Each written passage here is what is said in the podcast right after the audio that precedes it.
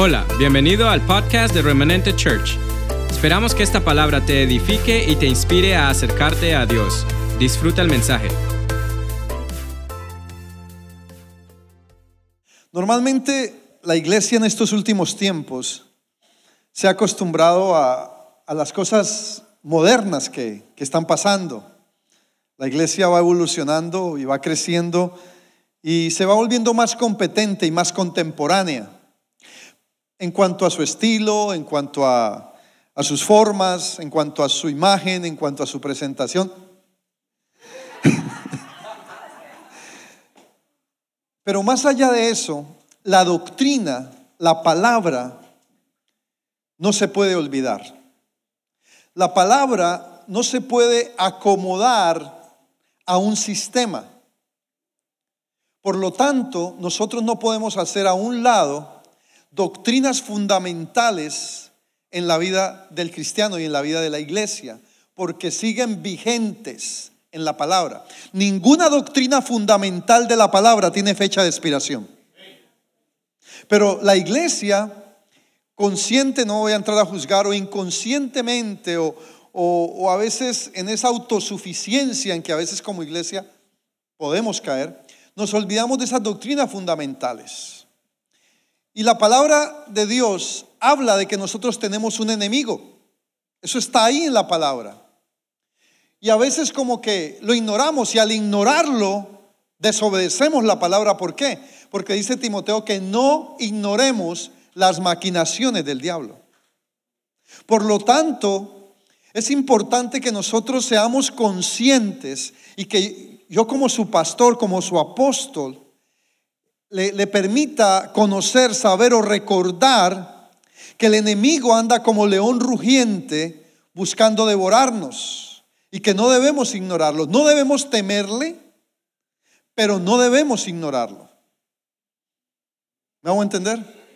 Entonces, la palabra habla de que el enemigo constantemente está buscando cómo oprimirnos. Se llama, la, la Biblia dice que él es el enemigo de nuestras almas, que es el opresor que es el devorador, porque es lo que la función que él busca. Y, y déjeme explicarle algo, nosotros somos seres espirituales.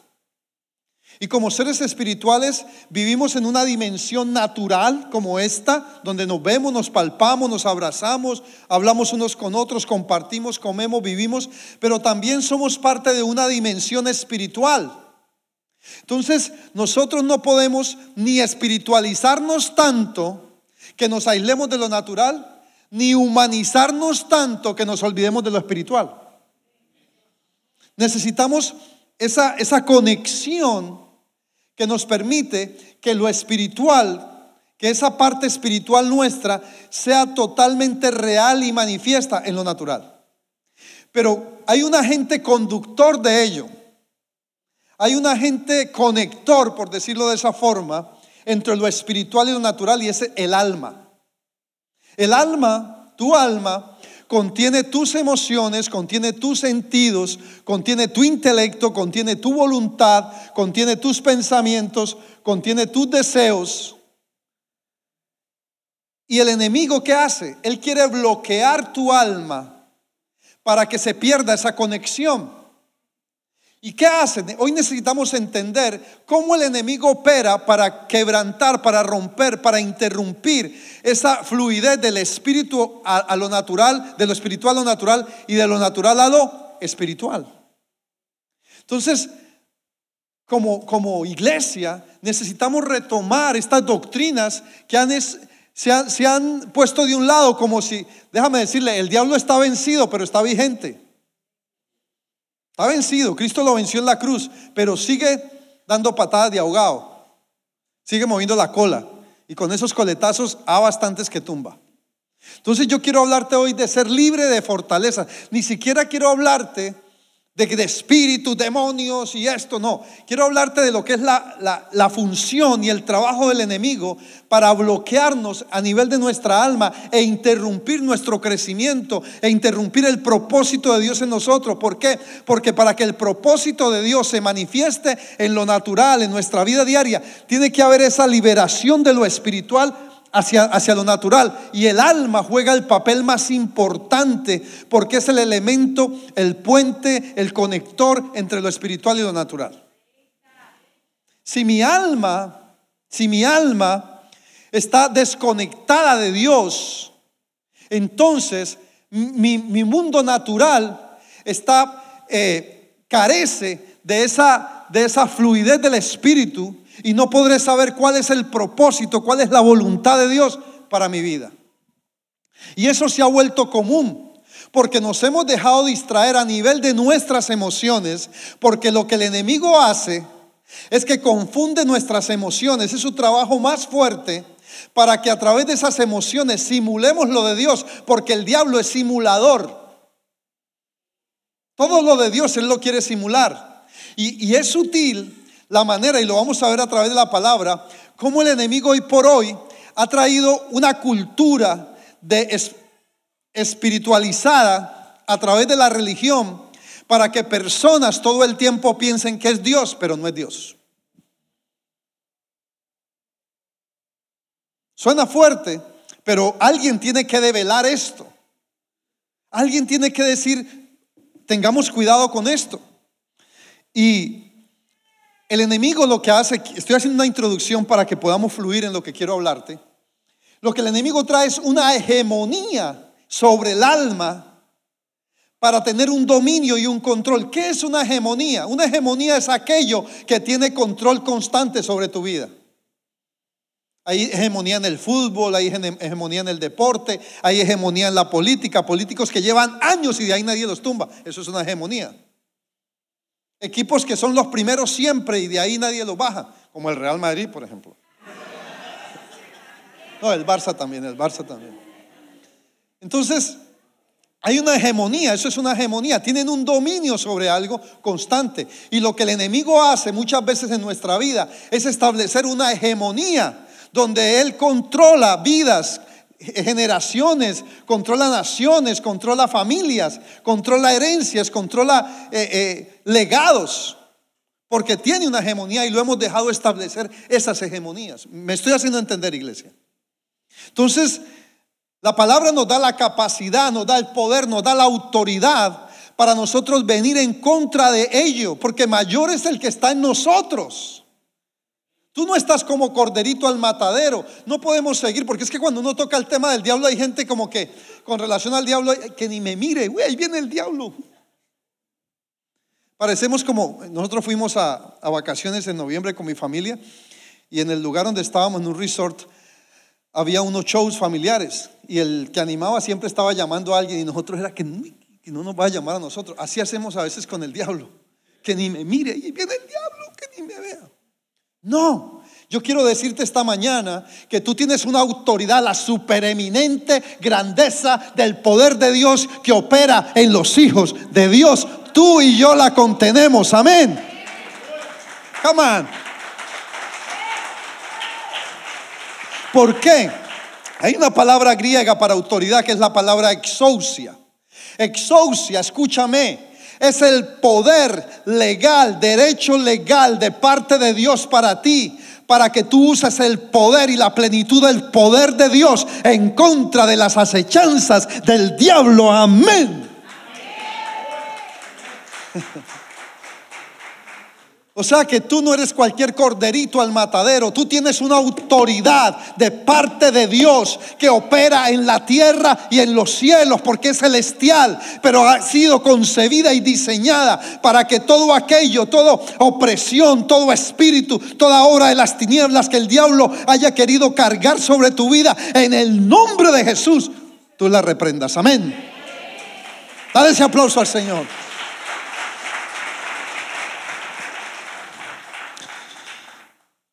Entonces, en el fútbol se dice que la mejor defensa es el, un ataque. Así se dice, ¿no? En el fútbol la mejor defensa es atacar. Pues déjame decirte que en lo espiritual también tenemos que entender que atacar es una defensa. Mira lo que dice David en el Salmo 18, 37.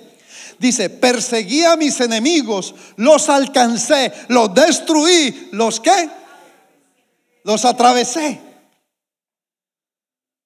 O sea, David era un hombre que tenía claro que él no podía esperar que los enemigos lo alcanzaran, porque yo te quiero decir algo, o atacas al enemigo o el enemigo te va a atacar a ti.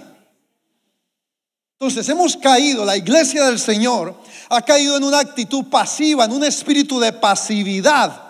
Y yo le voy a mostrar que la Biblia habla de ese espíritu y cómo ese espíritu de pasividad trae un adormecimiento en la mente y en el alma, de tal manera que quedamos esclavizados de lo que el enemigo ha establecido en nuestro entorno.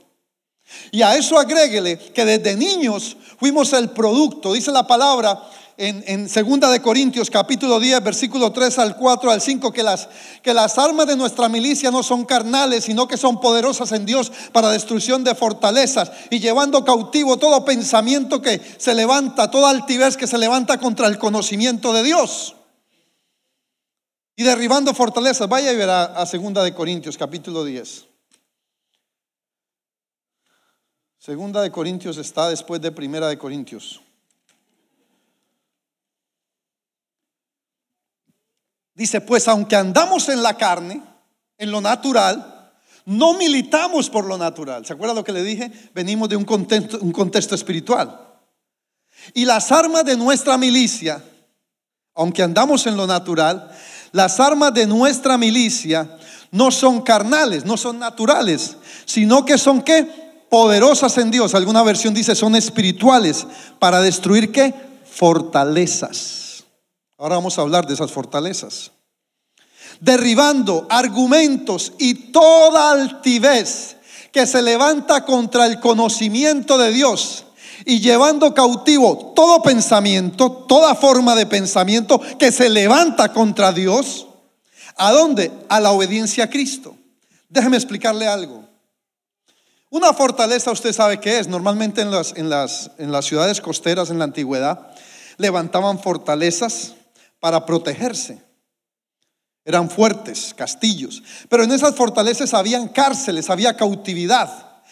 Hoy por hoy el enemigo lo que ha hecho es levantar fortalezas en nuestra mente para traernos cautivos en nuestros pensamientos y estar encerrados y dependiendo y esclavizados de nuestras emociones. Pero yo quiero decirte algo, nosotros fuimos liberados del mercado de esclavos porque Cristo pagó el precio por nuestra esclavitud y ni tú ni yo estamos sujetos a esclavitud. Amén. Gálatas 5.1, estar siempre libres con la libertad con que Cristo os hizo libres y no estéis otra vez sujetos al yugo de esclavitud.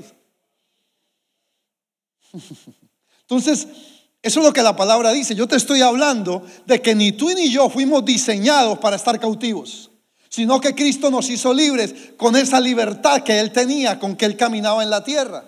Y necesitamos romper esas hegemonías, quebrantar todo aquello que el enemigo ha traído, porque hay una batalla en nuestra mente. Y si yo permanezco frustrado, eh, en temor, en, en autocompasión, en enojo, en pensamientos impuros, en lujuria, en carnalidad, me voy a dar cuenta que esos pensamientos y esos sentimientos no se van a ir solos.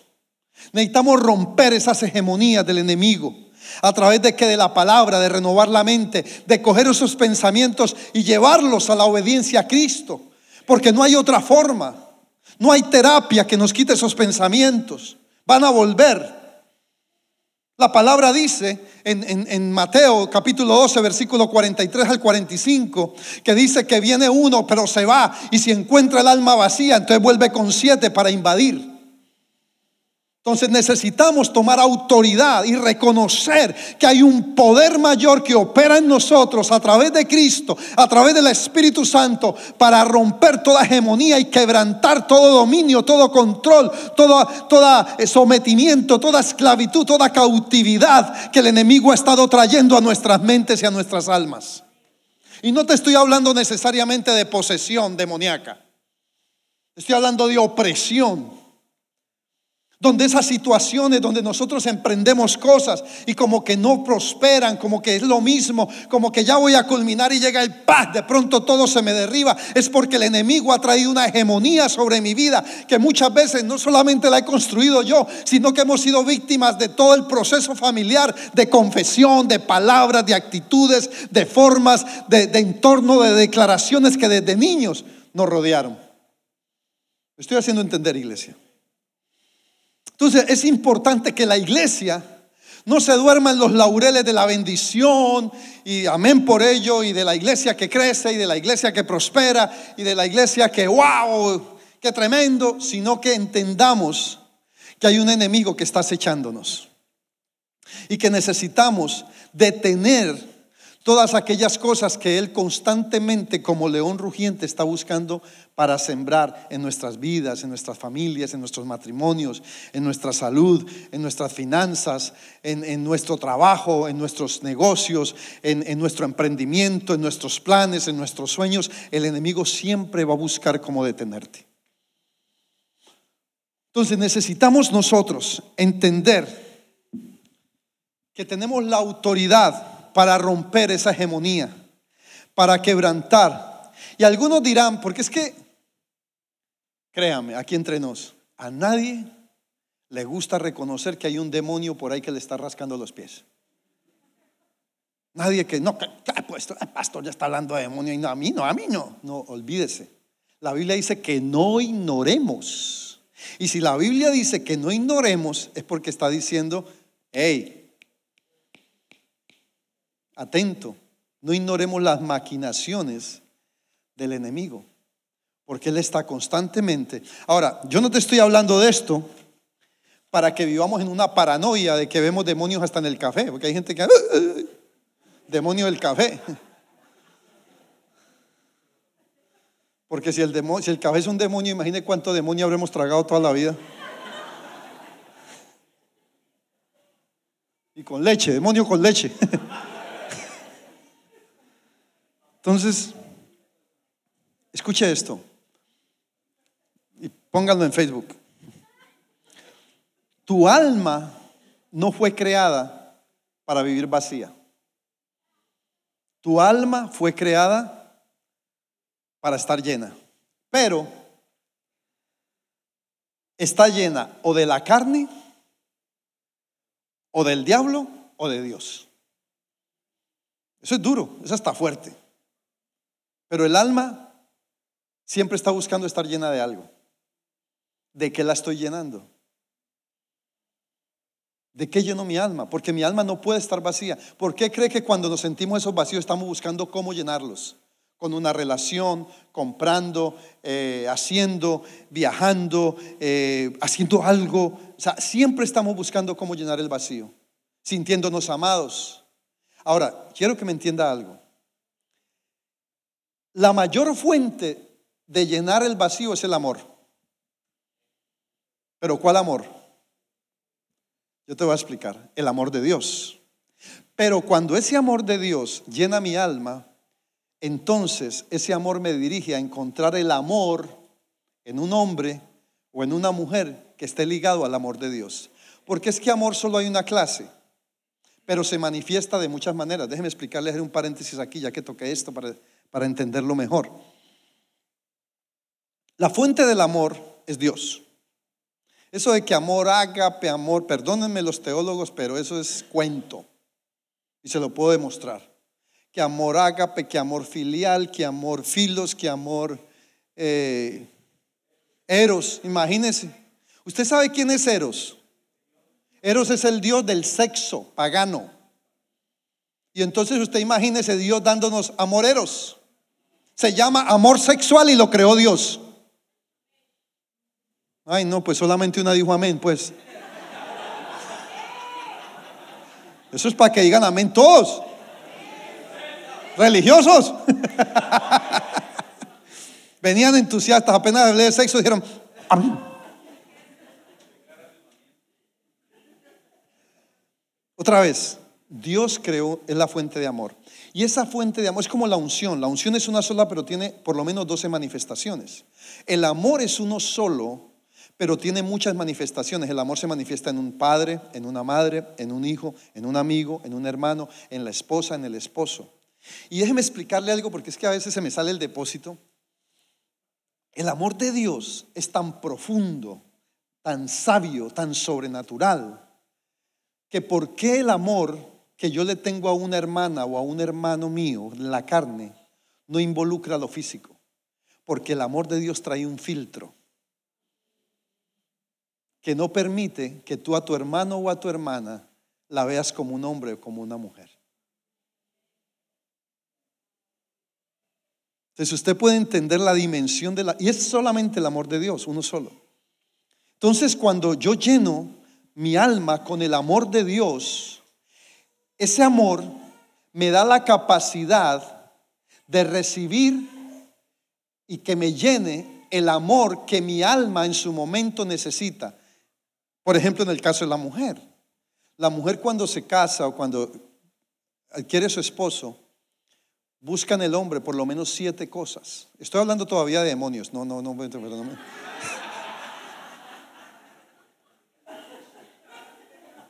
El que lo entendió, lo entendió. La mujer busca un amigo, un hermano, un proveedor, un padre, un amante, un hombre, un protector. Eso es parte de la naturaleza de la mujer. Entonces, necesita el amor de Dios expresado en todas esas formas. Porque si eso no sucede, entonces se provoca vacío. Y no me jale la lengua para decirle otras cosas más, pero estamos hablando de rompiendo fortalezas. Pero el hombre, esto es importante aunque parezca una clase de, de matrimonios, el hombre solamente ustedes saben que busca dos o tres cosas, a la mujer, a la amiga o al amante. Bueno, algunos buscan la mamá, son hijos de papi y mami ahí, a toda hora creen que la mujer es la mamá. Entonces, eso llena al hombre. Nosotros nos llenamos con cualquier cosa.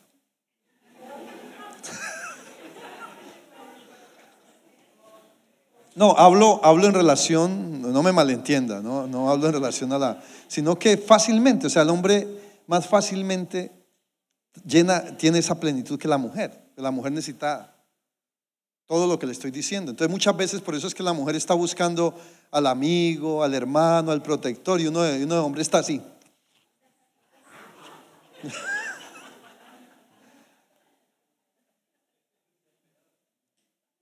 Entonces, cuando uno entiende el amor de Dios, entiéndame esto que le estoy diciendo, entonces viene esa plenitud sobre uno que llena el vacío.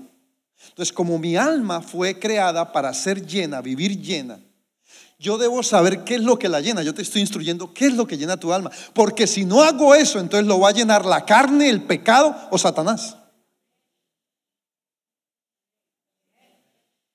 Y seguimos hablando de rompiendo fortalezas. Entonces, nosotros necesitamos discernir qué es lo que llena mi alma. ¿Qué es lo que yo estoy buscando? ¿Por qué? Porque si yo lleno mi alma de la manera equivocada, lo que se va a crear es una fortaleza en mí, que me va a crear una codependencia o a las cosas del enemigo o de la carne o de Dios. ¿Está claro? Entonces, yo tengo que evitar que el enemigo venga y establezca fortalezas en mi mente y en mi alma. Y el enemigo una de las cosas que hace es establecer una pasividad en nosotros, porque lo ignoramos, pero no ignoramos sus maquinaciones, estamos ignorando todo. Entonces, cuando yo ignoro al enemigo, le abro puertas al enemigo. Y vuelvo y te digo, no es que estemos pendientes a toda hora de que hay demonios en toda parte. No es eso. Es entender que el enemigo de nuestras almas siempre está buscando a través del dolor, de la amargura, de la tristeza, del resentimiento, de la ira, de la culpa, de la condenación, establecer fortalezas de pensamiento, que es lo que hace que personas sean tan cerradas en su mente y digan, yo soy así, así me hicieron, así pienso y nadie me va a cambiar. ¿Por qué? Porque hay estructuras, hay fortalezas. Por eso es que usted encuentra personas que son tercas. Eso no pasa aquí, eso pasa por allá en Brasil eso. Mi papá decía, más terca que la mujer de Garabato. Y yo decía, pasé años para entender quién era, quién era Garabato primero. Resulta que es que la mujer de Garabato, hasta que un día entendí lo que me, me di cuenta, la mujer de Garabato era muy terca y se estaba ahogando un día y todavía ahogándose con todo su cuerpo en el agua, sacaba la mano y decía que dos más dos era cuatro.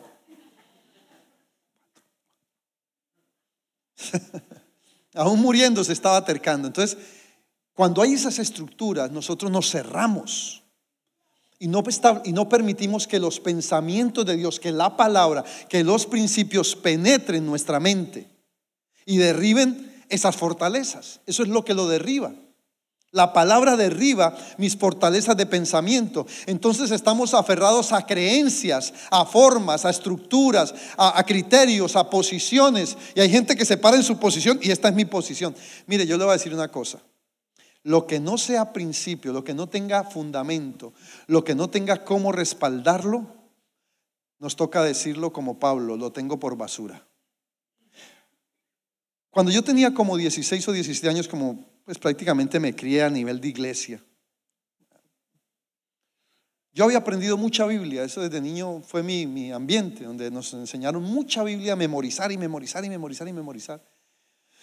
Y cuando llegué a los 17 años, yo no sabía qué hacer con todo eso, eso, eso se me volvió un, un lío. Y yo un día le dije, Señor, yo no quiero esto en mi vida, yo quiero vida, yo quiero revelación. Y fue cuando empecé a romper desde esa edad mis esquemas de pensamiento para que yo llegara a esta edad, mis 35, 40 años, y mi mente fuese una mente abierta, una mente fresca, no una mente añeja. Y no una mente no es añeja por los años, una mente es añeja por la manera de ver las cosas. Nosotros los cristianos estamos llamados a tener mentes frescas mentes abiertas, mentes que no están sujetas a posiciones o a terquedad o a estructuras, sino que están sujetas a la palabra. Y la palabra lleva siglos y no se ha añejado. O sea que si yo renuevo mi mente a este tipo de pensamiento, voy a seguir vigente toda mi vida. Así tenga 80, 90 años. Yo aspiro que a los 90 años todavía me gusta el reggaetón. Esa cara que pusieron.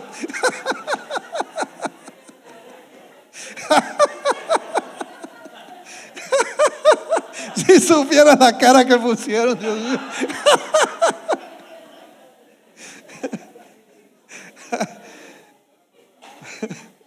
No, yo lo que quiero entender es que, bueno, por lo menos si no lo puedo bailar, que me guste. No, lo que quiero que usted entienda es que yo cuido y lo, hago deliberadamente de que mi mente mantenga vigente. Yo no cojo pensamientos, o sea, mi, mi mente hoy no es como pensaba a los 20 años, no, es como se piensa hoy, de acuerdo a Cristo. ¿Vamos a entender? A eso me refiero. Yo no, yo no, mi mente no piensa, usted nunca me va a oír decir, me acuerdo de mis tiempos. No, ya esos pasaron. Yo no tengo por qué, no me hace nada pensar como pensaba en mis tiempos. Entonces hay gente que quiere vivir esta época con pensamientos o mentalidad del pasado. No prospera. No prospera. Entonces añejamos nuestra mente y cuando yo añejo mi mente, el enemigo viene y me cautiva porque me quiere hacer vivir esta época con una mentalidad del pasado. Hello.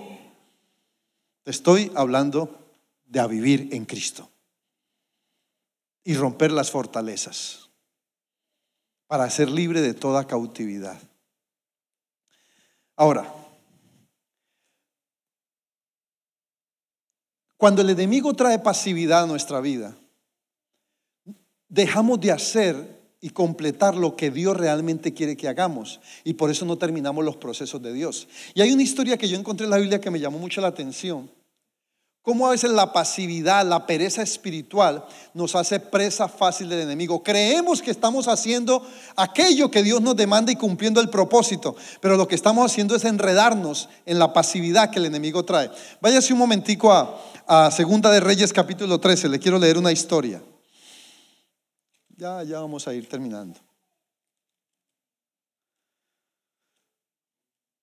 Segunda de Reyes, capítulo 13 versículo 18. Dice,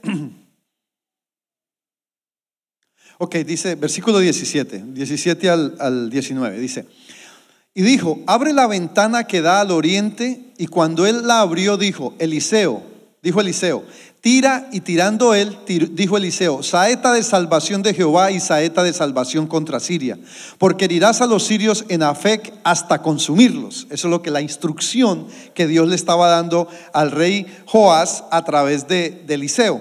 Versículo 18. Y volvió a decir, toma las saetas, como las flechas, ¿no? Y luego que el rey de Israel las hubo tomado, o sea, Joás le dijo, le dijo Eliseo a, Joás, golpea la tierra. Y él la golpeó tres veces y se detuvo. Tres veces. Pum, pum, pum. Y dice, entonces el varón de Dios, o sea, Eliseo, enojado contra él le dijo, al dar cinco o seis golpes, hubiera derrotado a Siria hasta no quedar ninguno de ellos. Pero ahora solo tres veces derrotarás a Siria.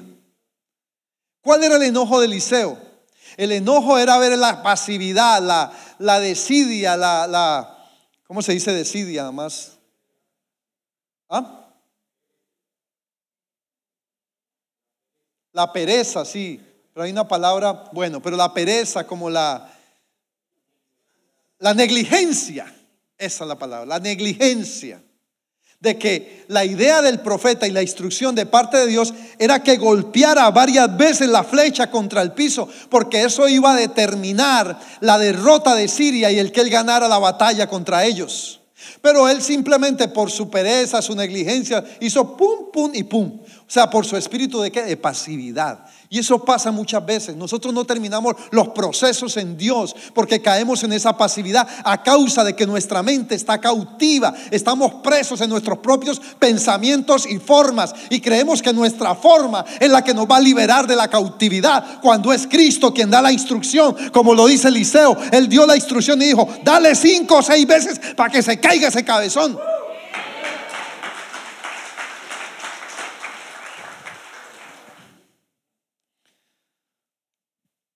Jesús vino a derrotar, escúcheme, las obras de maldad. Dice, Él vino a derrotar las obras del diablo. Ahora, rapidito, si queremos vencer ese terreno del enemigo, esas fortalezas, derribarlas y, evacuar lo que el enemigo haya invadido y saber cómo opera, quiero que veas varias cosas. Dos secciones te voy a dar, dos tandas, por decirlo de esa manera, instrucciones rápidas. Dice, Primero el enemigo lo que hace traer es mentira y engaño. Él tergiversa la verdad. Él tergiversa siempre la verdad en nuestra mente. Por eso debemos cuidar nuestros pensamientos. Filipenses 4:8. Todo lo bueno, todo lo justo, todo lo honesto, todo lo puro, todo lo buen nombre. Debemos pensar en lo que tiene virtud. Debemos cuidar nuestros pensamientos. El diablo dice que es padre de mentira. En segundo lugar, los sentimientos de condenación y acusación. Y déjeme romper aquí algo que, que yo he visto que ha sido una mentira del diablo y la voy a enseñar. Siempre nos has enseñado que el pecado trae una consecuencia, es cierto. Todo pecado y toda desobediencia trae una consecuencia. Pero trae consecuencia cuando yo, porque el camino de pecado y desobediencia es un camino de muerte. ¿Estamos? ¿A qué llevó? Dice la palabra que por cuanto todos estamos destituidos de la gloria de Dios. Dice, porque la paga del pecado es, más la dádiva de Dios es vida eterna. Entonces, si yo sigo por un camino de pecado, de maldad, y no me aparto, y no me arrepiento, la consecuencia va a ser cuál? Muerte y destrucción o lo que me encuentre en el camino. Ahora, arrepentimiento, y yo se los he enseñado a ustedes, es la palabra techuba, que quiere decir cambio de actitud cambio de conducta, cambio de dirección, cambio de pensamiento. Entonces la religión nos enseñó que el pecado, aunque yo me arrepienta, tiene una consecuencia. Claro que hay una consecuencia. Si he violado la ley, pues habrá una consecuencia. Pero en lo espiritual no hay consecuencia. ¿Por qué? Porque si yo cambio de dirección y empiezo a caminar por camino de vida, ¿cuál es la consecuencia del camino de vida? Vida y bendición. Eso no es. Porque si yo tengo que sufrir una consecuencia por el pecado, entonces debía haber muerto. Porque aunque fui perdonado, dice, la paga del pecado es la muerte. Pero ¿quién pagó por mí? Cristo. Entonces yo ya no tengo que pagar por el pecado. ¿Estamos? Si yo cambio de dirección, yo ya no tengo que pagar por el pecado porque me arrepentí. Entonces ya no tiene por qué haber consecuencia. Habrá consecuencia legal porque rompió una ley de los hombres. Habrá consecuencia legal si quedé embarazada por causa de un pecado. Habrá consecuencia legal si robé y la, la, policía me agarró o tengo que ir a un juicio, lo que sea. Pero cuando yo hablo espiritualmente, porque estamos hablando de romper las fortalezas, cambio de dirección. Por ejemplo, si mi hijo me desobedece y yo lo agarro, pues va a haber una consecuencia. Pero si él se arrepiente y, yo nunca me doy cuenta, pues él cambió de dirección y ya no habrá consecuencia. ¿Estamos? Pero si sigue en eso, ¿qué va a encontrar? Muerte y destrucción y problemas. Lo mismo es el cristiano, porque la consecuencia más grande del pecado era la muerte. Y Jesucristo nos perdonó. La consecuencia quedó o quedó saldada. Cuando yo peco, si yo me arrepiento y cambio de dirección, estoy por aquí, por este camino, no, hay, no tendría por qué encontrar consecuencia. Pero aún así, aunque yo haya fallado, hay un departamento de apelaciones. Se llama la misericordia de Dios.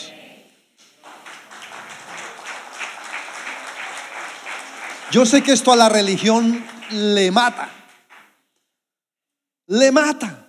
Hubo un muchacho musulmán que se convirtió con mi esposa y conmigo y es un hombre que tuvo tremendas revelaciones. Volvió al Islam porque él no podía aceptar que uno pecara y fuera perdonado, que algo tenía que pasar. Él no pudo aceptar. Él no pudo, dijo, no, yo no puedo con esto de la gracia. No, no, no, no. ¿Cómo así? Si uno peca, tiene que pagar. Y lo mismo pasa con la religión. La religión es medio musulmana a veces.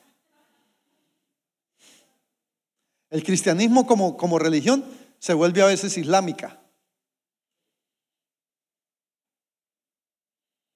Entonces, el enemigo siempre lo que quiere traer es condenación y, culpa. Duda y temor afecta nuestra fe, nuestra convicción, nuestra certeza, nuestra esperanza. Cuando usted luche, cuando usted vea que, que, su esperanza está siendo golpeada, téngalo por seguro que el enemigo está obrando. Mire, yo se lo digo el viernes, yo esto se lo compartí a algunos hermanos. Mi esperanza, no mi fe, porque mi fe es firme, pero cuando mi esperanza es atacada, mi fe es bloqueada. Porque cuando mi esperanza es atacada, mi certeza también es quitada. Y entro en incertidumbre. Y mi fe se bloquea. Entonces el enemigo siempre va a querer atacar nuestra esperanza. Porque, ¿qué fue lo que pasó con Abraham? Que él creyó esperanza contra esperanza. ¿En qué? Por ejemplo, si usted trabaja Usted tiene la esperanza que le van a pagar. Pero si usted no trabaja, no hay esperanza.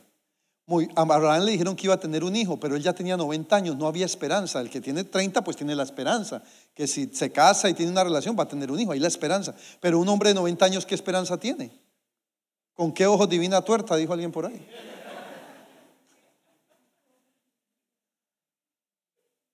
Entonces Abraham creyó esperanza. Entonces el, el viernes mi esperanza fue atacada.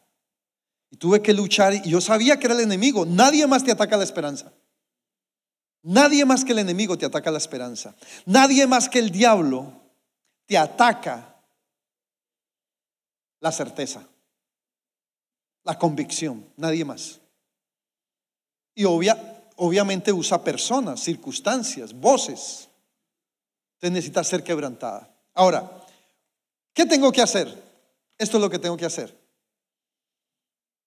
someter los pensamientos. Si usted quiere romper esas fortalezas, esas cautividades, someta sus pensamientos a Cristo. Obligue su mente a no. ¿Cómo lo hace? Renuncia a esa forma de pensar, a esos conceptos que tiene tan cerrados. Mire, a mí alguien viene y me convence de algo, y si yo veo, esa ha sido mi mejor bendición. Digo, tiene razón. Yo creo en eso porque tiene razón. Pero hay gente que tú le puedes demostrar lo que le demuestres.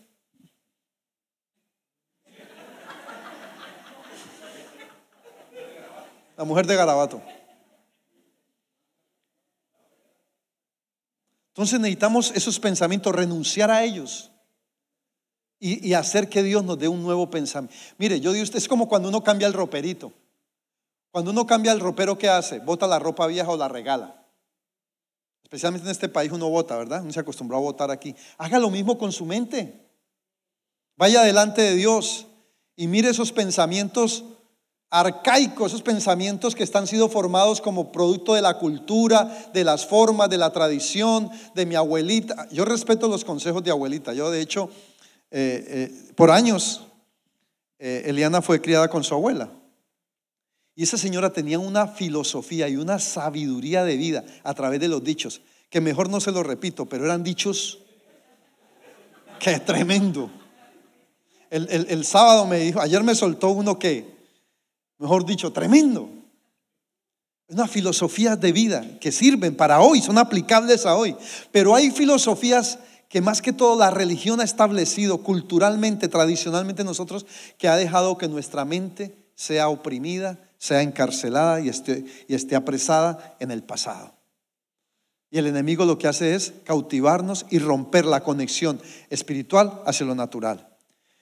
Otra manera, cerremos puertas que hayamos abierto. Nosotros abrimos puertas.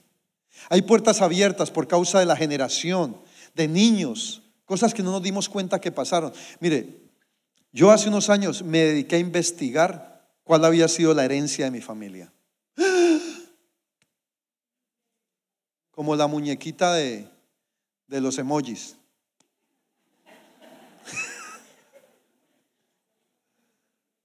Encontré tanta basura, perdón hermanos que me están oyendo, mis hermanos, mi hermana, mis sobrinos, mis tíos, mis primos, toda la parentela, perdónenme, pero ustedes saben que es así. Y me dediqué a romper y a quebrantar todo eso.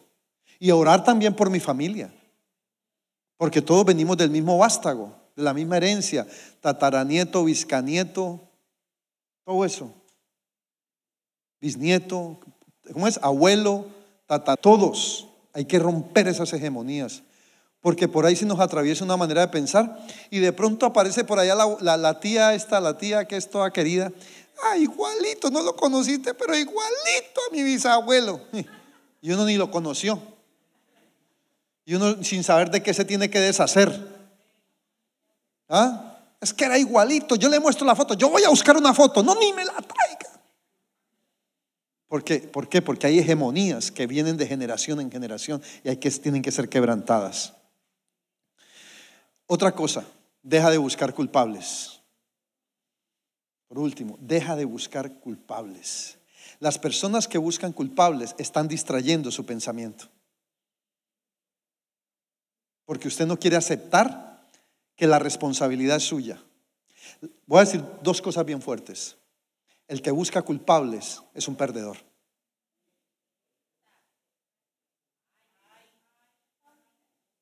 Diga, ay, diga, diga, diga. Y esto lo digo con autoridad porque en, este, en el primer no estaba mi esposa, pero lo primero que yo hago cada que algo pasa a mi alrededor, así me lo estén haciendo a mí, le digo, mami, ¿en qué fallé? ¿En qué fallé? No busque culpables. Si usted busca culpables, usted va a perder. Pero si usted se responsabiliza, usted es un ganador. La persona que que no acepta sus responsabilidades siempre va a perder. Siempre va a perder. Y va a estar cautivo.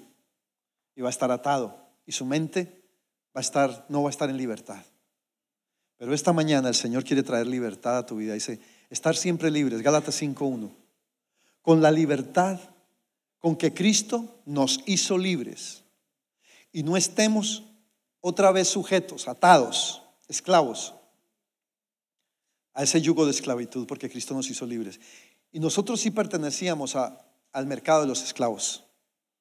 Éramos esclavos de Satanás pero fuimos arrebatados y alguien pagó por nosotros y nos dio el certificado de libertad y está exhibido en la cruz, dice la palabra. Dale ese aplauso al Señor. Entonces, y por último, para darle un bonus aquí, deje de confesar palabras de muerte y de derrota. Acabe con ese lenguaje en su vida cultural, de costumbres, de derrota, de, amargura, de, de siempre estar lanzando. Escúcheme, si usted lo hace, no lo haga más. No lance palabras fuertes contra otras personas, porque eso es un boomerang. Y a veces a usted le caen cosas en la cabeza en el día y dice, ay, ¿qué pasó? Por bocón. A veces son palabras que hemos lanzado hace años. Esos son a corto, a mediano y a largo plazo. Propóngase cortar ese lenguaje de muerte, de maldición, de derrota, de juicio, de chisme, de crítica. No cuente todo lo que le cuentan. Hoy se volvió cultura, ya no hay secretos, hermano. Yo ya no cuento mis secretos. Sí, se los cuento a Dios y a mi esposa, obvio. ¿Sabe cuál es la primera persona que yo le cuento mis secretos a ella? Porque ella aprendió a no juzgarme. Yo no tengo miedo de contarle mis secretos. Dije secretos, no pecados, para que no esté ahí en la mente, eh, mente chambrosa ahí. ya estaban así, no me los conociera yo. Uno ya no puede contar sus secretos porque todo el mundo los divulga. Yo le decía a mi hijo esta semana porque estaba en una serie, ten cuidado con quién estás, con quién hablas, porque todo lo filman. y lo editan. Una serie que me estaba viendo y a una niña fue a defender a alguien y voltearon todo y la terminaron culpando. Entonces así es con los secretos. Ya nadie guarda un secreto. Eso pica cuando... A mí no me gusta que me cuenten secretos para no tener tentaciones. mentira, me cuentan muchos. Me cuentan muchos secretos. Pero hay que aprender, hay que volver a la cultura de guardar los secretos. ¿Me está entendiendo? No todas las veces serán cosas malas. Ya hoy la cultura de la sorpresa se ha acabado. A mí cuando me dan una sorpresa, yo ya sé. ¿Por qué? Porque siempre habrá un, en mis tierras hice un sapo. ¿Qué cuenta? Proponte, ¿no? Esto es en serio. No cuentes los secretos. Porque cuando tú cuentas tus secretos, automáticamente abres la llave para que los tuyos sean contados. Eso, es una ley de la siembra y la cosecha. Yo soy un bocón, habrá otro bocón en contra mía. Hello. Ahora, no me malentienda, no estoy hablando de los pecados. Los pecados hay que confesárselos al Señor. Señor, te tengo un secreto. ¿Qué me da y te lo cuento? Hay gente que más o menos anda así. Póngase de pies.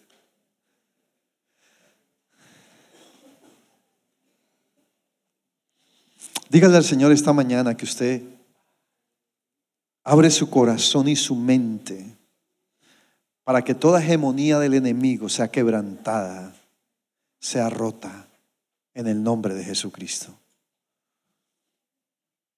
Aleluya. Oh, Padre, yo declaro en el nombre de Jesús que toda hegemonía, en el nombre de Jesucristo, toda hegemonía del enemigo, en nuestra mente, en nuestra alma, toda fortaleza de pensamiento, toda manipulación de las emociones, todo control de nuestros sentidos de parte del enemigo es quebrantada en el nombre de Jesucristo. Yo declaro sin poder y sin autoridad toda hegemonía, toda, toda asignación de las tinieblas y del infierno en contra nuestra. Todo plan, todo complot, toda ardí, toda trampa, toda estrategia que el enemigo estaba tejiendo en contra tuya, en contra mía, en contra de esta iglesia, se quebranta, se rompe y se seca como la higuera en el nombre de Jesucristo. Yo quebranto en esta hora, en el nombre de Jesús, declaro sin efecto y sin poder toda palabra, toda palabra de maldad de juicio de las tinieblas en contra tuya, en contra de tu vida, de tu salud, de tu familia, de tus finanzas, de tu bienestar, de tu ministerio, se quebranta, se seca en el nombre de Jesucristo. Yo declaro sin poder y sin efecto toda artimaña, todo plan, todo complot, toda ardí, toda trampa, toda estrategia de las tinieblas y del infierno en contra de tu vida, en contra de tu, de tu familia, queda nula, queda abolida, queda seca como la higuera en el nombre de Jesucristo. Yo declaro el poder de vida en Cristo, obrando en tu vida, obrando en tus asuntos, obrando en tu mente, en tu alma, en tu corazón, en tu familia, el espíritu de vida en Cristo, el poder sobrenatural sobre tu vida es liberado, la supereminente grandeza de Dios en tu vida se libera, el poder de la exousia, el derecho legal para usar en poder en plenitud de Dios sobre tu vida es hecho ahora en el nombre de Jesucristo. Aleluya, Señor. Yo declaro que toda intimidación, todo proceso de dolor, de tristeza, toda hegemonía que el enemigo venía ejerciendo sobre tu vida y sobre tus hijos, sobre tu casa, sobre tu parentela, se quebranta en el nombre de Jesucristo. No tiene efecto. Toda maldición generacional es quebrantada por el poder de Cristo en la cruz y por la sangre de Cristo que mora en ti. Aleluya. Te bendigo, te bendigo. Yo levanto palabras de bendición sobre tu vida, palabras de vida en esta hora. Yo libero, yo profetizo que eres un bendecido de Dios, que eres un transformado de Dios, que eres próspero en Dios. Aleluya. Yo declaro que pienso lo mejor de ti. Yo pienso lo mejor de ti. Yo valoro de ti. Yo valoro, yo te valoro. Yo pienso de ti. Yo declaro que tú piensas lo mejor de los demás que todo pensamiento de juicio, de maldad en tu mente y en tu corazón se quebranta. Y si está operando hacia alguien, se cancela en el nombre de Jesucristo. Dale ese aplauso al Señor. Esperamos que este mensaje haya sido de bendición. No te olvides de suscribirte a nuestro podcast y seguirnos en Facebook e Instagram arroba remanente church.